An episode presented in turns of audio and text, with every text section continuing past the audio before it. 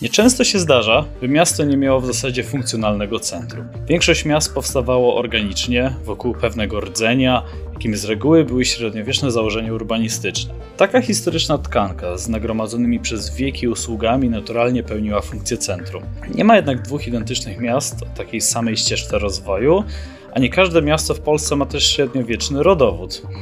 Co z takimi miastami, które zostały zbudowane niemal od zera po wojnie? Dziś w jednym śląskim mieście, znanym przede wszystkim z browaru, tworzy się wyjątkowy w skali polski projekt. Projekt budowy od zera nowego centrum miasta.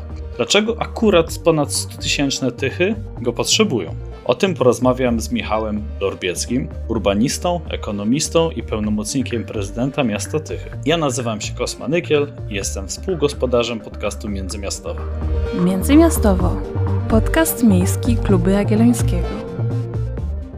Cześć Michale. Cześć Kosma, dzięki za zaproszenie i witam wszystkich słuchaczy. Myślę, że na początek dobrze będzie wprowadzić słuchaczy w to w ogóle, czym są Tychy, gdzie są i co wyróżnia to śląskie miasto spośród wszystkich innych w metropolii. Tak, myślę, że to jest najważniejsze, ponieważ y, no, to jest oczywiste, że nie wszyscy znają Tychy, natomiast Tychy są faktycznie unikatowym miastem w skali naszego kraju, bowiem zostały zrealizowane holistycznie jako takie nowe miasto na początku lat 50. E, ubiegłego wieku. A dlaczego to się stało? No, w tamtych czasach, zwłaszcza nasz region, województwo śląskie, aglomeracja śląska były bardzo brudnym regionem. Miasta były zatłoczone, zniszczone przez przemysł. E, no, mówiono niestety o tych najgorszych porażkach miast sanitarnych, tak, czyli bardzo złych warunkach do życia. I pomysł na deglomerację GOP-u, tak zwany pomysł na deglomerację GOP-u, właśnie w latach 50. był decyzją rządu, żeby powstało nowe miasto. Miasto, które będzie wolne od tego przemysłu, będzie czyste, będą najlepsze warunki sanitarne. No i oczywiście na te pytania odpowiadała modernistyczna urbanistyka, która bazowała na świetle, powietrzu i pojazdach, o czym myślę, że na pewno e, wszyscy wiecie. Jeśli miałbyś e, opowiedzieć trochę właśnie o samym mieście, jakby Tychy są dość wyjątkowym założeniem. Są założeniem tak naprawdę składającym się z wielu osiedli, i każde z tych osiedli ma jakąś taką specyfikę i odrębność. Były też zaprojektowane przez jednych z najwybitniejszych e, urbanistów i architektów tamtego czasu. Chciałbyś trochę przybliżyć również ten aspekt dziedzictwa Tychów. Tak, oczywiście. Tychy były zaprojektowane prawie w całości przez e, zespół Kazimierza Wejherta i Hannę Adamczewską-Wejhert. Dlaczego prawie? Ponieważ pierwsze osiedle, Anna, też w skrócie nazywane osiedlem A, które jako pierwsze pojawiło się przy dworcu kolejowym w Tychach, było zaprojektowane przez Tadeusza Teodorowicza Todorowskiego. E, I ono było zrealizowane w duchu socrealistycznym, czyli jeszcze mieliśmy tak do, do czynienia z taką kwartałową zabudową która wyodrębnia przestrzenie publiczne, place, podwórka, ulice. Natomiast wraz z postępem rozwoju miasta, kolejne osiedla e, Barbara, czyli osiedle B, e, osiedle C, osiedle D i tak dalej, one wszystkie te, te litery od pierwszych liter imion żeńskich pochodziły. Wraz z rozwojem miasta, miasto było coraz bardziej modernistyczne, czyli odchodzono od takiego kwartałowego kształtowania zabudowy, kiedy budynki jeszcze e, wyznaczały przebieg ulic, przebiegi placów, mm, a wszystko ze sprawą wprowadzenia prefabrykacji. I właśnie ta prefabrykacja umożliwiła tak dynamiczny rozwój miasta. E, celem było uzyskanie ponad 100-tysięcznego e, miasta w dość krótkim czasie, ponieważ to, to były jakieś 30, to było jakieś 30 lat kiedy tak naprawdę większość miasta zostało zrealizowane. No oczywiście przez transformację ustrojową, kiedy odeszło się od e, gospodarki centralnie planowanej, kiedy pojawiły się samorządy, e, no to też niestety już zaprzestano realizacji miasta w ten sposób, w jaki ono było robione, czyli właśnie z tą myślą taką odgórną, kiedy patrzono na miasto jak niczym w grze SimCity, E, kiedy już mm, inwestowanie zaczęło polegać na czymś innym. I właśnie dlatego centrum miasta, które było wyznaczone jeszcze przez Wejhertów w ich takim planie generalnym na całe miasto, no nie zostało zrealizowane. A jakie są na ten moment największe wyzwania rozwojowe miasta? Bo wydaje się, że tych są trochę w cieniu Katowic, jakby nie było, zostały w dużej mierze zaprojektowane jako sypialnia Katowic i ten układ jest bardzo mocno związany między innymi przez linię kolejową, która prowadzi bezpośrednio z centrum Katowic do Tychów. Dzięki temu można bardzo szybko i komfortowo dojechać e, z Tychów do Katowic. To jest dosłownie kilkanaście minut jazdy pociągiem, a ta linia kolejowa tak wręcz przecina to miasto. Jakie są właśnie te wyzwania dzisiaj w Tychach? Bardzo fajny temat poruszyłeś, mianowicie transport zbiorowy był kluczem do powstawania miasta również, ponieważ jakby przyszłe centrum miało być zlokalizowane właśnie przy e, stacji kolejowej, która była wyprowadzona od głównej magistrali łączącej Bielsko z Katowicami. E, I w centrum miasta miał być ten główny przystanek. On też funkcjonował pod nazwą Tychy Miasto. Natomiast ta, ten transport zbiorowy, faktycznie w praktyce przede wszystkim stanowił o tym, że miasto stało się sypialnią Katowic, a dlatego, że praktycznie całe miasto było wolne od miejsc pracy, mianowicie e, w tym takim rdzeniu miejskim były przede wszystkim podstawowe usługi, oprócz mieszkań oczywiście, natomiast wszystkie miejsca pracy były na terenach przemysłowych i poza miastem. E, I te wszystkie miejsca pracy właśnie z tamtych czasów, tak, bo kiedyś nie było za bardzo takich miejsc pracy jak biura, usługi, e, tak jak e, to dzisiaj dominuje w miastach. Tychy zawsze były miastem przemysłowym mimo wszystko, akurat zdominowanym obecnie przez branżę automotive. I wszystko się opierało o ten transport zbiorowy właśnie, żeby łatwo było dojechać do tych dzielnic przemysłowych, ale wraz z transformacją gospodarczą miasta, kiedy ludzie zaczęli pracować w innych zawodach, no to też była potrzeba do te, ku temu, żeby dojeżdżać do innych miejsc pracy, więc ten taki rdzeń e, prostego zbiorkomu, który funkcjonował przez e, kilka dekad, e, przestał być do końca taki efektywny. Natomiast do czego zmierzam? To było niesamowicie istotne, żeby stworzyć nowe miasto w pełni autonomiczne, czyli żeby mieszkańcy mieli w ramach swoich osiedli szkoły, przedszkola, podstawowe usługi, podstawowe sklepy i one były lokalizowane faktycznie wewnątrz osiedli. Y, I może to będzie taka ciekawostka, ale e, Tychy nie były zaprojektowane jako sypialnia. Tychy miały pełen program e, funkcjonalny jako odrębne miasto. Były też aspiracje, żeby tutaj były uczelnie wyższe, ważne placówki administracji, nie tylko lokalnej, ale też ponadlokalnej. To się niestety nie udało e, i w praktyce po prostu Tychy stały się miastem sypialnią. E, ale jeszcze taką ciekawostkę powiem, o której można przede wszystkim e, dowiedzieć się w Muzeum Śląskim w Katowicach, że pomysł na stworzenie nowego miasta właśnie w miejscu Tychów narodził się e, w głowach nazistów. Jeszcze nie, nas nie było, to, to już wtedy był pomysł, żeby nowe miasto jako nową stolicę województwa właśnie zlokalizować w Tychach. W jaki sposób władze miasta starają się przeciwdziałać byciu jedynie sypialnią?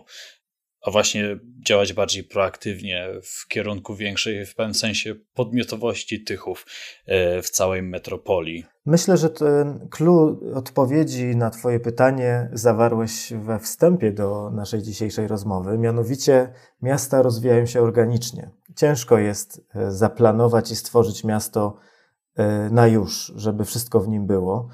No przede wszystkim muszą być ludzie i miejsca pracy.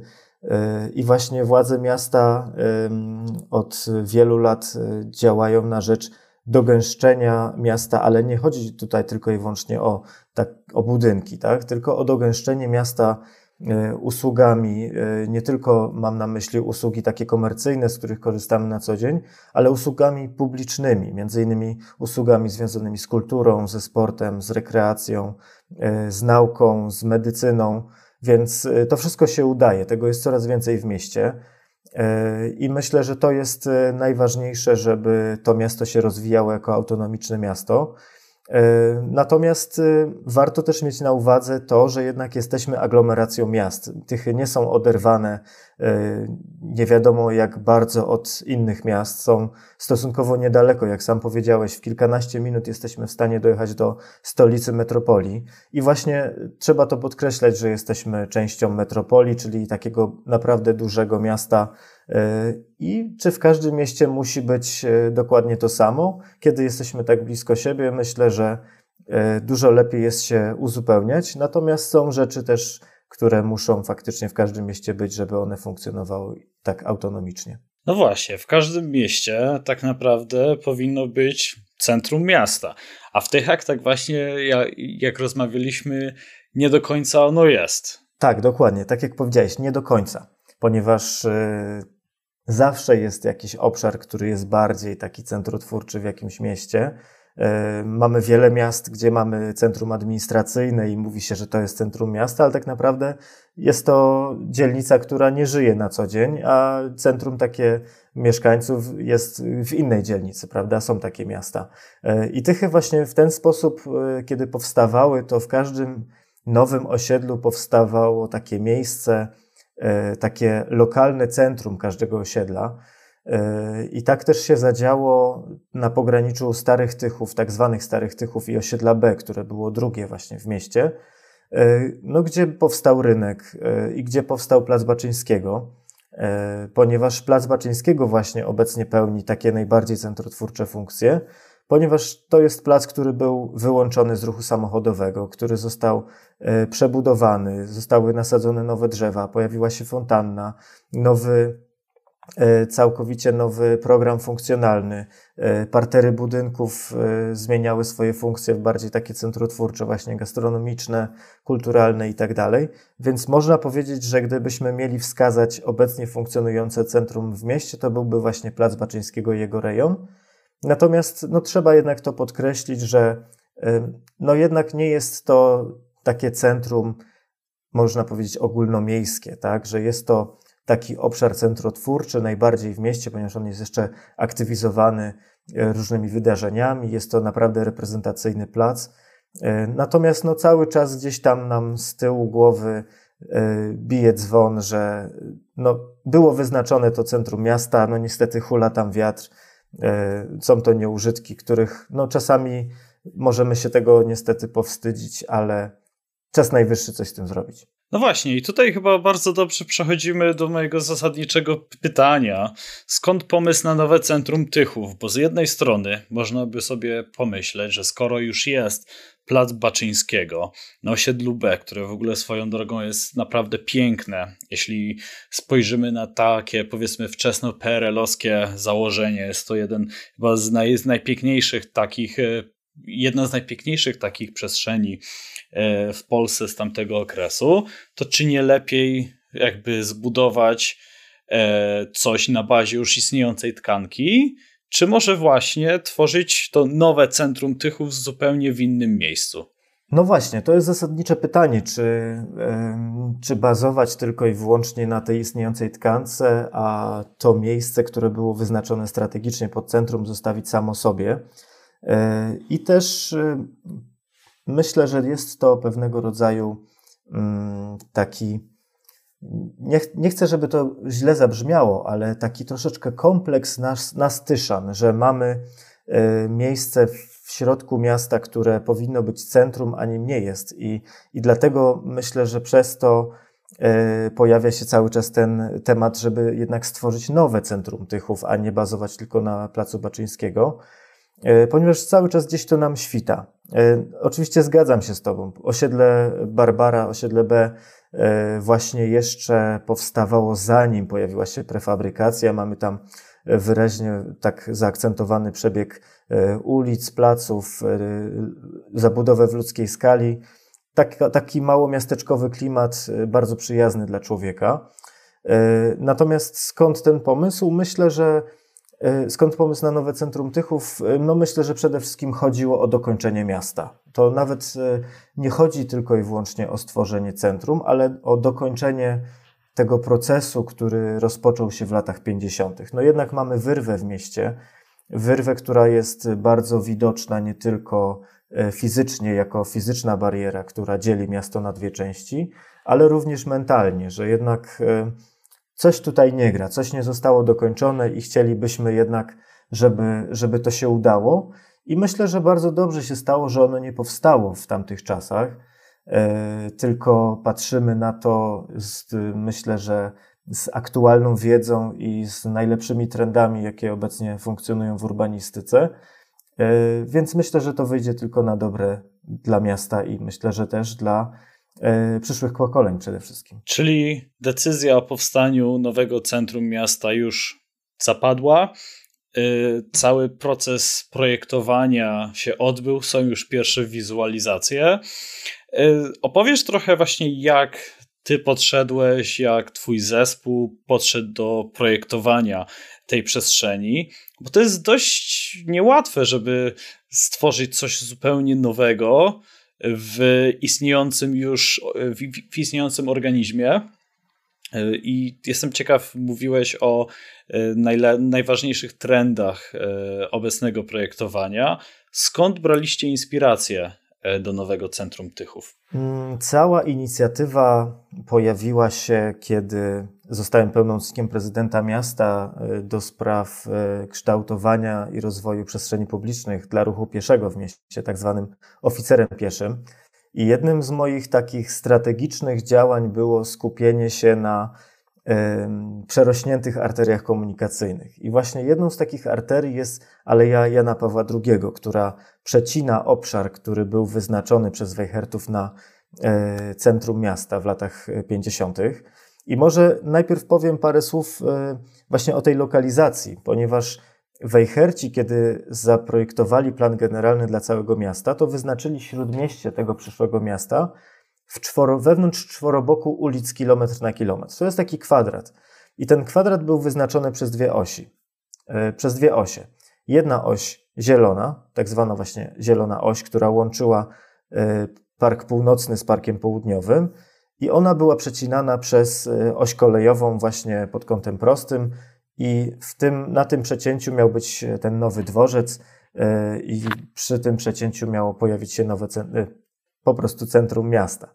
E, natomiast, e, no niestety, w tamtych czasach bardzo mocno kładziono nacisk na e, ruch samochodowy, więc jakby ideą było, żeby do tego centrum miasta była doprowadzona bardzo szeroka arteria komunikacyjna, która jest w obecnym kształcie, a jest to arteria o czterech do nawet ośmiu pasów ruchu, co możemy sobie wyobrazić jest bardzo dużą drogą.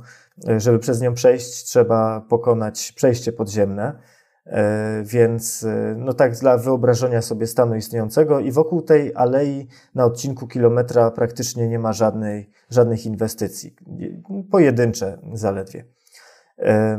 I zainicjowaliśmy te działania, kiedy pojawił się e, mój pomysł, żeby zawęzić Aleję Jana Pawła II do dwóch pasów, czyli do tylu, ile jest E, obecnie potrzebne, ponieważ ta aleja tak naprawdę służy tylko i wyłącznie do tego, żeby przez nią przejechać. Ona niczego nie obsługuje.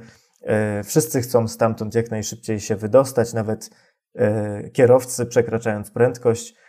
Więc po co utrzymywać zbędny beton w mieście? Już lepiej, żeby go zlikwidować. No i wykorzystać ten potencjał tego obszaru po prostu w lepszy sposób. I wtedy pojawił się pomysł, żeby ten temat miał swojego koordynatora, takiego, e, można powiedzieć, lidera, e, który będzie te wszystkie sprawy e, popychał do przodu. I właśnie wtedy prezydent powołał mnie na pełnomocnika do spraw nowego centrum miasta. I wtedy zacząłem właśnie szukać pewnych rozwiązań, które byłyby zgodne z dzisiejszymi trendami. I takimi głównymi założeniami, jakie postawiłem, to to, że to musi być centrum przede wszystkim dla ludzi.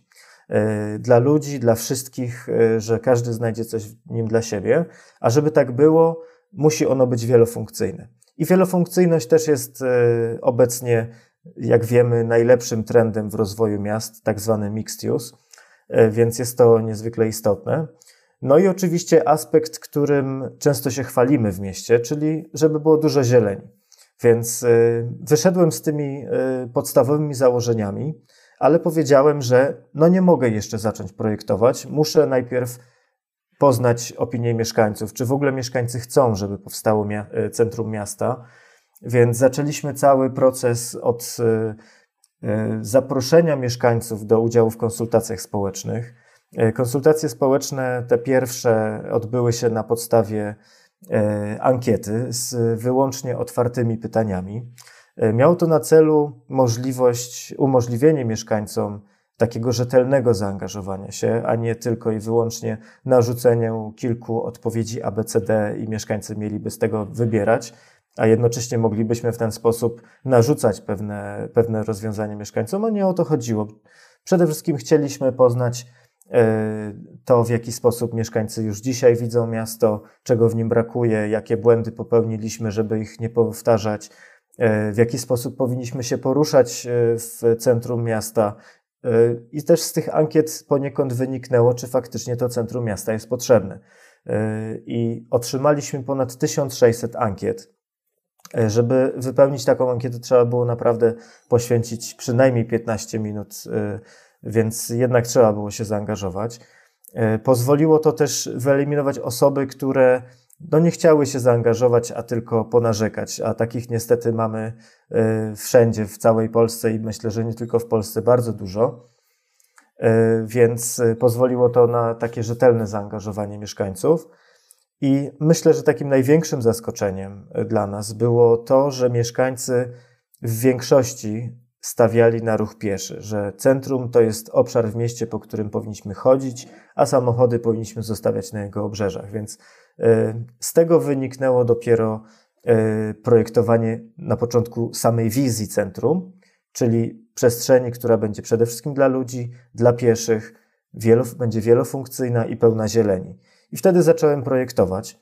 E, projektować centrum, które w żaden sposób nie przypomina tego, co jest dookoła, ponieważ e, wiemy w stanie dzisiejszej wiedzy, wiemy, że e, założenia modernistycznej urbanistyki no nie do końca były dobre dla miast. E, przede wszystkim segregacja funkcji, bazowanie na ruchu samochodowym i to, że nie było tak naprawdę przestrzeni publicznych w modernizmie.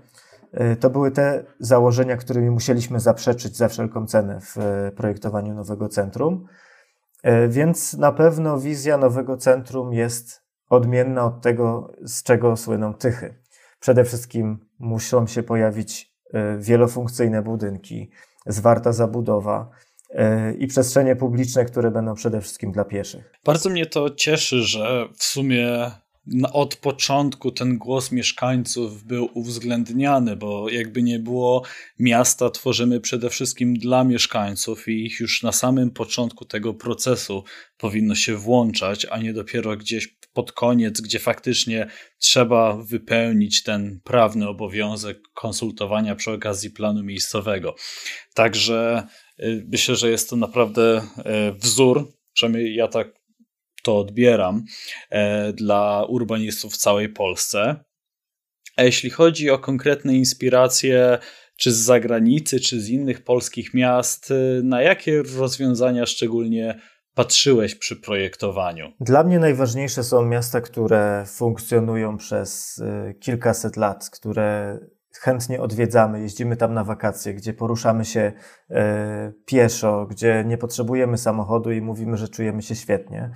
Są to właśnie miasta typowo europejskie, które mają przestrzenie publiczne, zwartą wielofunkcyjną zabudowę, e, ale też pojawiła się inspiracja z, z oceanu, czyli e, z Ameryki Północnej, mianowicie z Kanady, z Vancouver, gdzie jakby rozwinął się trend urbanistyczny zwany Vancouveryzmem.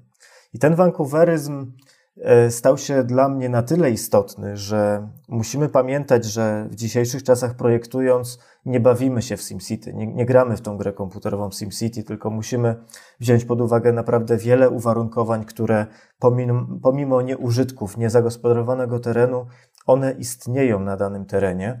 I mam tutaj na myśli yy, nawet nie samą infrastrukturę podziemną, której jest naprawdę dużo i trzeba się tym zająć. E, nie tylko kwestie społeczne, które, tak jak sam powiedziałeś, są podstawą do tego, żeby zacząć jakiekolwiek działanie i właśnie też e, od nich zaczęliśmy. E, ale trzeba mieć na uwadze własność, czyli to, kto jest właścicielem terenu, a tutaj mamy do czynienia z częścią terenu, która jest w rękach prywatnych ale przede wszystkim musimy pamiętać o tym, że e, każdy teren ma swoje przeznaczenie w planie miejscowym albo e, w studium uwarunkowań, chociaż tutaj akurat mamy plany miejscowe i każdy teren ma tutaj swoje przeznaczenie, a co za tym idzie, ma swoją wartość. I dlaczego o tym Vancouveryzmie? Mianowicie ten obszar był w 2017 roku w planie miejscowym e, od 2017 roku przeznaczony przede wszystkim pod galerię handlową. E, taka była, takie były ówcześnie trendy rozwoju miast, że musiały powstawać galerie handlowe, e, ale ta właśnie, która miała stanowić centrum miasta, nie powstała, a to przeznaczenie w planie zostało. Wiemy też, że galerie handlowe no już nie są jakby wiodącym kierunkiem inwestowania y, na rynku prywatnym również. Y, więc inwestorzy też nie za bardzo są zainteresowani budowaniem kolejnych galerii handlowych, skoro dookoła jest ich już wystarczająco dużo. Więc trzeba brać pod uwagę to, że jak jest plan miejscowy i teren ma swoje przeznaczenie, ma swoją wartość wynikającą z chłonności inwestycyjnej terenu. I właśnie ten Vancouveryzm pozwala nam Y, zastosować takie rozwiązanie, gdzie bazujemy tkanką miejską, taką tkanką urbanistyczną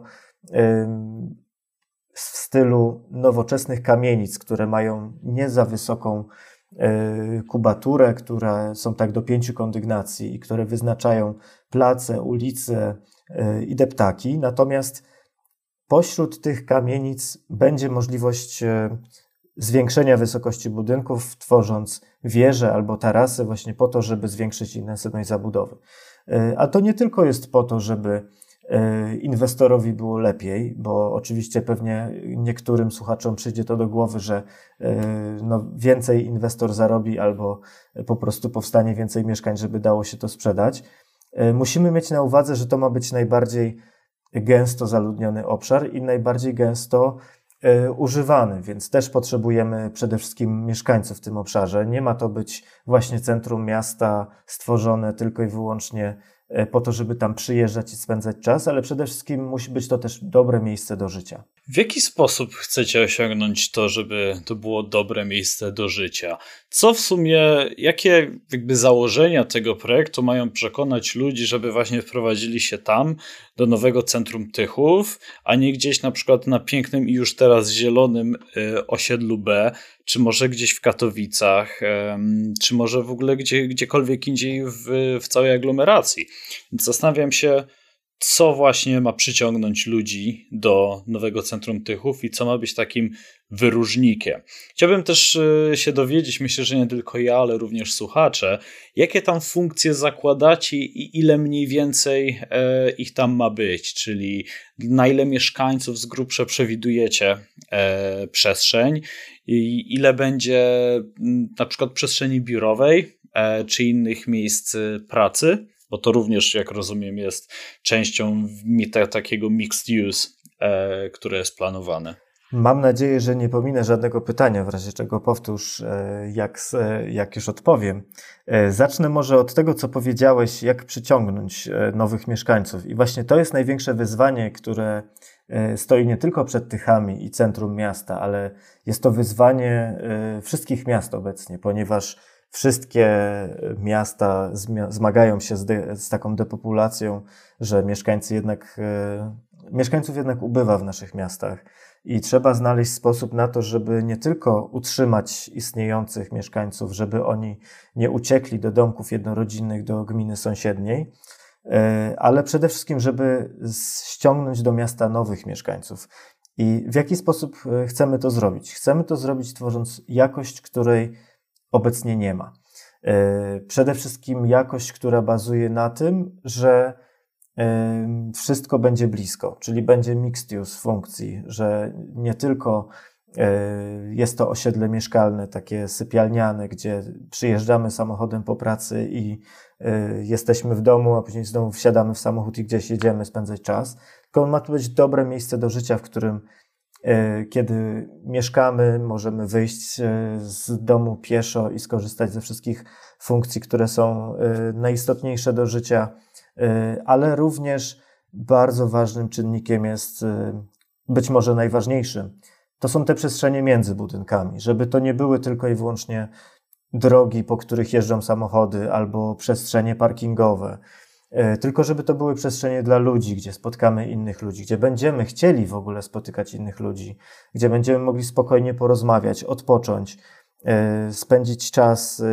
w różny sposób. Właśnie dlatego tych przestrzeni publicznych jest prawie połowa obszaru, o którym rozmawiamy, rozmawiamy o obszarze do zainwestowania, który ma około 15 hektarów, więc prawie połowa z tego to będą przestrzenie publiczne.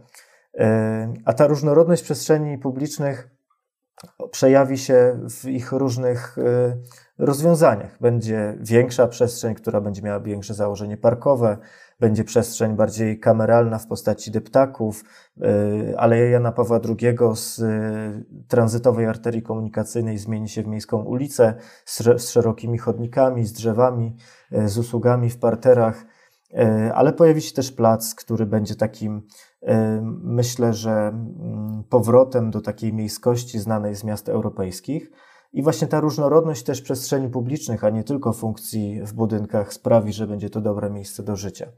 E, powiedziałeś o, o tych e, funkcjach, ile ich będzie.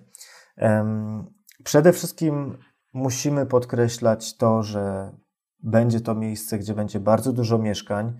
E, myślę, że będzie około 10 tysięcy, nawet więcej niż 10 tysięcy nowych mieszkańców w samym centrum. E, natomiast e, kluczowym jest też to, żeby stworzyć jakby nawet nie tylko e, nowe lokale, ale żeby stworzyć magnes do tego, żeby firmy lokalizowały się również w przyszłym centrum miasta, ponieważ obecnie niestety odbywa się to na terenach przemysłowych. Tam powstają obok wielkich hal fabrycznych, produkcyjnych, powstają biurowce, gdzie lokalizują się firmy ponieważ nie ma takiej, takiej dzielnicy centralnej, e, a na szczęście nie ma biznesparku u nas. Więc e, myślę, że takim biznesparkiem, tylko że w połączeniu z zabudową mieszkaniową musi być właśnie przyszłe centrum miasta. Ciężko jest teraz mówić o powierzchniach. Oczywiście mogę powiedzieć, że minimum to jest 70 tysięcy metrów kwadratowych powierzchni użytkowej e, usług, natomiast myślę, że to jest abstrakcyjna liczba, zwłaszcza mając do czynienia z przedsięwzięciem zaplanowanym na przynajmniej kilkanaście lat. E, te trendy będą się zmieniały i trzeba mieć na uwadze na pewno pewne minimum e, w proporcjach tych, tych funkcji, więc e, oczywiście to tak w przybliżeniu oscyluje, że przynajmniej 30% to muszą być usługi i przynajmniej 30% to muszą być mieszkania, żeby zapewnić tą rotację w użytkowaniu przestrzeni. Natomiast na pewno będą okresy, kiedy będzie większy, większe zainteresowanie e, kładzeniem nacisku na zabudowę mieszkaniową, tak? I inwestorzy będą Y, przede wszystkim chcieli budować maksymalną liczbę mieszkań, a wiemy też, że obecnie mamy kryzys mieszkaniowy w naszym kraju i wszystko się sprzeda. Niezależnie jakie mieszkanie, jakie, jaki inwestor wybuduje, to wszystko się sprzeda, bo jest po prostu taka duża potrzeba mieszkań w naszym kraju. Y, a jest duża też niechęć do y, budowy powierzchni usługowych, biurowych, zwłaszcza w takich y, mniejszych miastach jak Tychy. Znaczy, Tychy nie są małym miastem. Trzeba to podkreślić, że jesteśmy jednak stosunkowo dużym miastem i prężnie działającym, natomiast nie jesteśmy jednak stolicą województwa. Zazwyczaj na przykład biurowce lokalizowane są w stolicach województw. Warto to podkreślać, że te trendy będą się zmieniały i trzeba też jakby przecierać te trendy, więc y, tutaj z pomocą nam przychodzą narzędzia, możliwości, jakie, jakimi dysponujemy jako miasto I bardzo dużym atutem jest to, że bardzo duża część tych terenów jest gminnych, czyli do zadysponowania przez miasto, nie tylko pozostawiona prywatnym inwestorom do, e, do zagospodarowania. No i na pewno będziemy posiłkować się e, między innymi e, Towarzystwem Budownictwa Społecznego, które prężnie działa w Tychach, więc na pewno pojawią się lokale mieszkalne, które będą przede wszystkim mieszkaniami dostępnymi. Więc, to, bo to też nie może być wyspa w mieście tylko i wyłącznie dla zamożnych mieszkańców, dla tych najzamożniejszych. Y, na pewno będziemy chcieli zrealizować dużo funkcji też takich publicznych, między innymi nowe muzeum, e, nowa siedziba Muzeum Miejskiego, jako, jakiej tak naprawdę nasze muzeum obecnie nie posiada, ponieważ ta obecna jest za mała a historia Tychów związana przede wszystkim z urbanistyką jest naprawdę bardzo ciekawa i warta eksponowania. Więc na pewno tych e, funkcji publicznych również e, się dużo pojawi, ale musimy też tworzyć takie przestrzenie usługowe, które będą pomagały w budowaniu tej centrotwórczości. A co, co się za tym kryje? Kiedy mamy do czynienia z nowymi budynkami, często czynsze y, w tych budynkach są bardzo wysokie i zazwyczaj tymi centrotwórczymi usługami są lokale gastronomiczne, kawiarnie, miejsca, do których ludzie przychodzą regularnie, chcą spędzać czas, a nie jednocześnie, żeby musieli e, wydawać niesamowicie dużo pieniędzy. No a często też właściciele takich funkcji, no niestety nie są najbogatszymi najemcami, więc ich często nie stać na wynajem e, lokalu w nowym budynku, więc bardzo istotnym jest też to, żeby miasto posiadało swoje lokale, żeby można było prowadzić na przykład e, preferencyjną politykę najmu właśnie dla tych funkcji centrotwórczych. To jest oczywiście jedno z wielu narzędzi. Tych narzędzi przewidujemy naprawdę wiele, bo nie tylko pod względem funkcji i przestrzeni publicznych E, ten obszar musi być różnorodny, musi być też różnorodnie e, realizowany. Opowiedz jeszcze o zieleni, bo jakby nie było i rozwiązaniach powiedzmy walczących i dostosowujących ten obszar do zmian klimatu, bo jakby nie było zmiany klimatu widzimy wszyscy gołym okiem. E, I również ta tkanka budowlana miasta powinna być dostosowana no, do nowych realiów, jakby nie patrzeć. Także czy takie rozwiązania również będą e, wprowadzone w nowym centrum Tychów? Tak, oczywiście. Myślę, że masz na myśli e, bardziej już takie rozwiązania, które znajdą się już w samych inwestycjach i samych budynkach. Natomiast warto tutaj zaznaczyć, że sposób kształtowania samej zabudowy, czyli to, że e, struktura będzie przede wszystkim zwarta i wielofunkcyjna, bo to też trzeba, myślę, że to na pierwszym miejscu zawsze trzeba podkreślać, że właśnie ta wielofunkcyjność i zwartość zabudowy jest najbardziej zrównoważonym kierunkiem w rozwoju e, miast. Właśnie przez to, że miasta są rozproszone, że są monofunkcyjne często, sprawia, że one wymagają dużo większych nakładów na energię, w tym związaną z paliwami, prawda? E, ale również e, po prostu tracimy czas e, na to, na życie w rozproszonych miastach. I dzięki temu, że nowe centrum Tychów będzie zwarte i wielofunkcyjne, to przede wszystkim nie będziemy tracić tego czasu.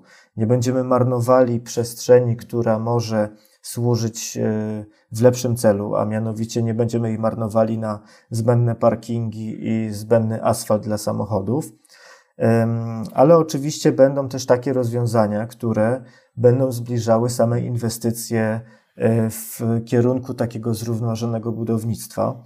E, I stawiamy nie tylko w przestrzeniach publicznych na to, że powinna znaleźć tam błękitno-zielona infrastruktura, czyli takie urządzenie e, natury, przyrody, roślinności, żeby odpowiadać na, e, na kryzysy klimatyczne. Tutaj przede wszystkim tymi kryzysami, e, jakie są najbardziej zauważalne, to są nawalne deszcze, e, więc bardzo dużo tej wody nam ucieka do kanalizacji deszczowej oraz susze, które no niestety sprawiają, że tej wody nam lokalnie brakuje. I ta błękitno-zielona infrastruktura pozwoli nam nie tylko jakby sprzyjać retencji i magazynować wodę lokalnie, ale również zaoszczędzić na dłuższą metę inne zasoby, jak energia, na przykład energia związana z klimatyzowaniem budynków czy z ogrzewaniem budynków, albo też sama infrastruktura techniczna nie będzie tak przeciążona, kiedy pojawią się te kryzysy atmosferyczne.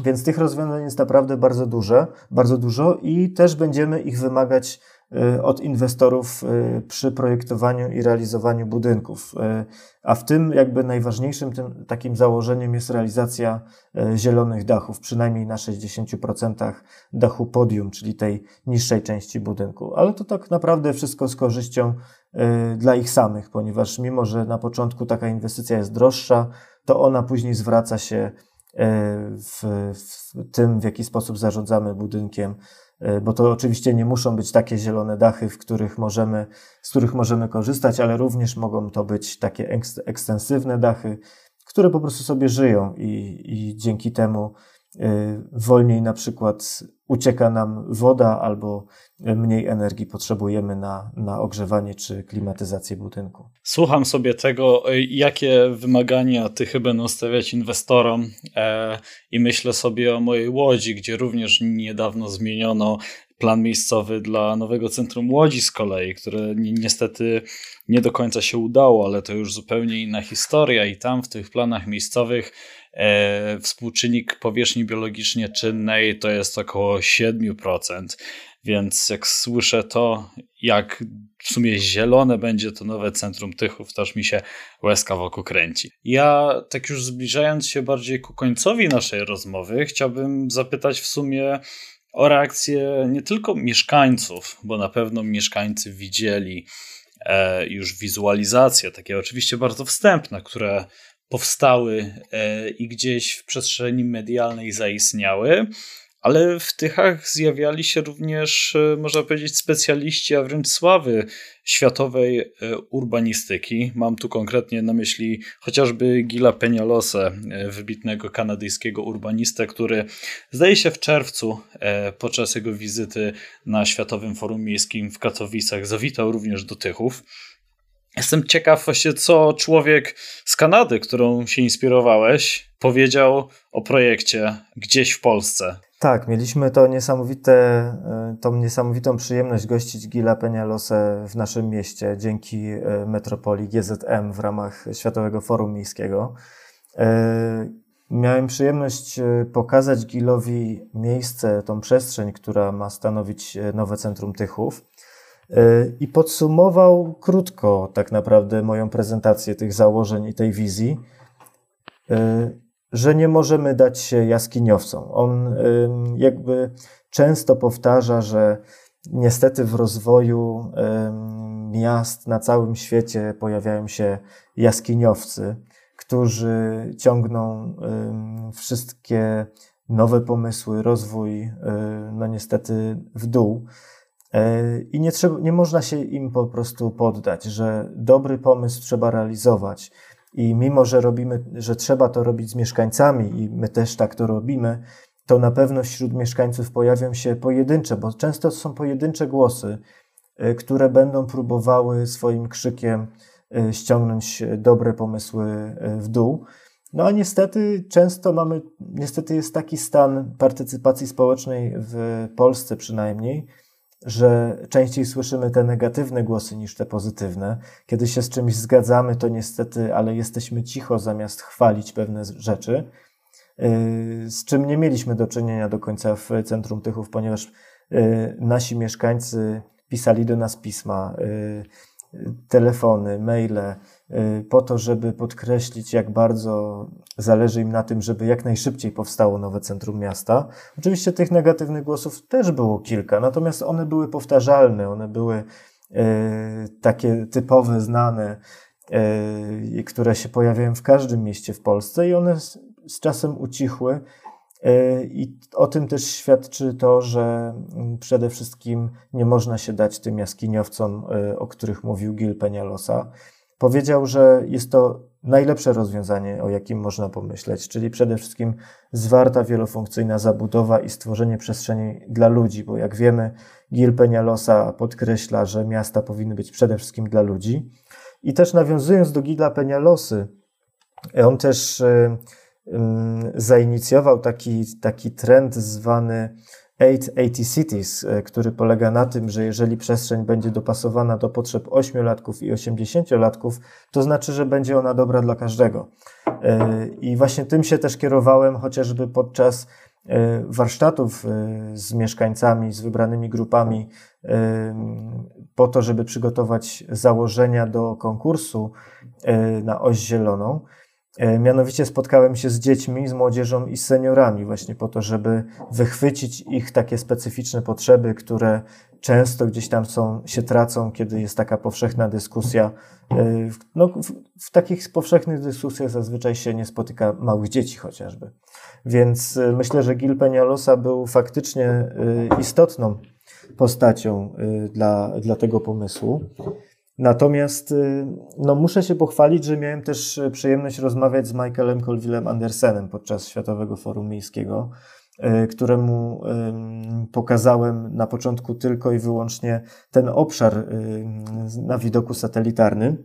E, I on powiedział, że od razu ma pomysł, jak, jak to zagospodarować. I pokazałem mu wtedy e, koncepcję masterplanu, tego w jaki sposób zagospodarujemy tą przestrzeń i powiedział, skąd znaliście mój pomysł? Powiedział, że to jest to, że to naprawdę bardzo dobry kierunek, e, ale też, żeby, żeby nie tylko chwalić się takimi, można powiedzieć, celebrytami z dziedziny urbanistyki, muszę podkreślić to, że starałem się jeszcze na wczesnych etapach spotykać i rozmawiać z różnymi ekspertami, nie tylko urbanistami, architektami, ponieważ to nie jest tylko i wyłącznie problem architektoniczny, broń Boże, tej architektury tutaj e, jest jeszcze za wcześnie, żeby mówić o samej architekturze, ale przede wszystkim z ekspertami, którzy mają coś do powiedzenia w dziedzinie mieszkalnictwa, w takich kwestiach społecznych, tym w jaki sposób powinniśmy kształtować przestrzenie miejskie, E, w taki sposób, żeby były dla wszystkich. E, I też z ekspertami od mobilności, żeby e, podkreślać to, w jaki sposób powinniśmy tworzyć zrównoważoną mobilność w miastach. Więc ci eksperci na pewno byli bardzo istotni dla, dla tego, w jakim kształcie jest obecna wizja, wizja rozwoju nowego centrum miasta. Dzięki wielkie, Michał, za to całe podsumowanie. Myślę, że bardzo dobrze opisałeś to, czym są Tychy, z jakimi wyzwaniami się mierzą yy, i w jaki sposób nowe Centrum Tychów odpowiada na te wyzwania i co w sumie w nim się znajdzie. Jeśli chcielibyście yy, więcej dowiedzieć się o tym całym procesie tworzenia tego nowego centrum miasta, to polecę Wam pro, profil Michała na Facebooku. Nazywa się Michał Lorbiecki, pełnomocnik prezydenta miasta Tychy. Tam znajdziecie sporo informacji o tym, jak ten cały pomysł się rozwija. Ja Tobie, Michał, bardzo dziękuję. Jak najbardziej zachęcam do tego kontaktu. Bardzo dziękuję za rozmowę, Kosma. Ja dziękuję Michałowi, że zgodził się przyjąć zaproszenie, a ja jeszcze tylko przypomnę, że produkcja tego odcinka została sfinansowana ze środków otrzymanych w ramach rządowego programu rozwoju organizacji obywatelskich na lata 2018-2030, których operatorem jest Narodowy Instytut Wolności, Centrum Rozwoju Społeczeństwo Obywatelskie. Pozyskany grant umożliwia nam rozwijać nie tylko nasz podcast, ale również inne działania w tematyce miejskiej na portalu klubjagielloński.pl, do którego lektury serdecznie zapraszam. I do usłyszenia. Międzymiastowo. Podcast miejski Klubu Jagiellońskiego.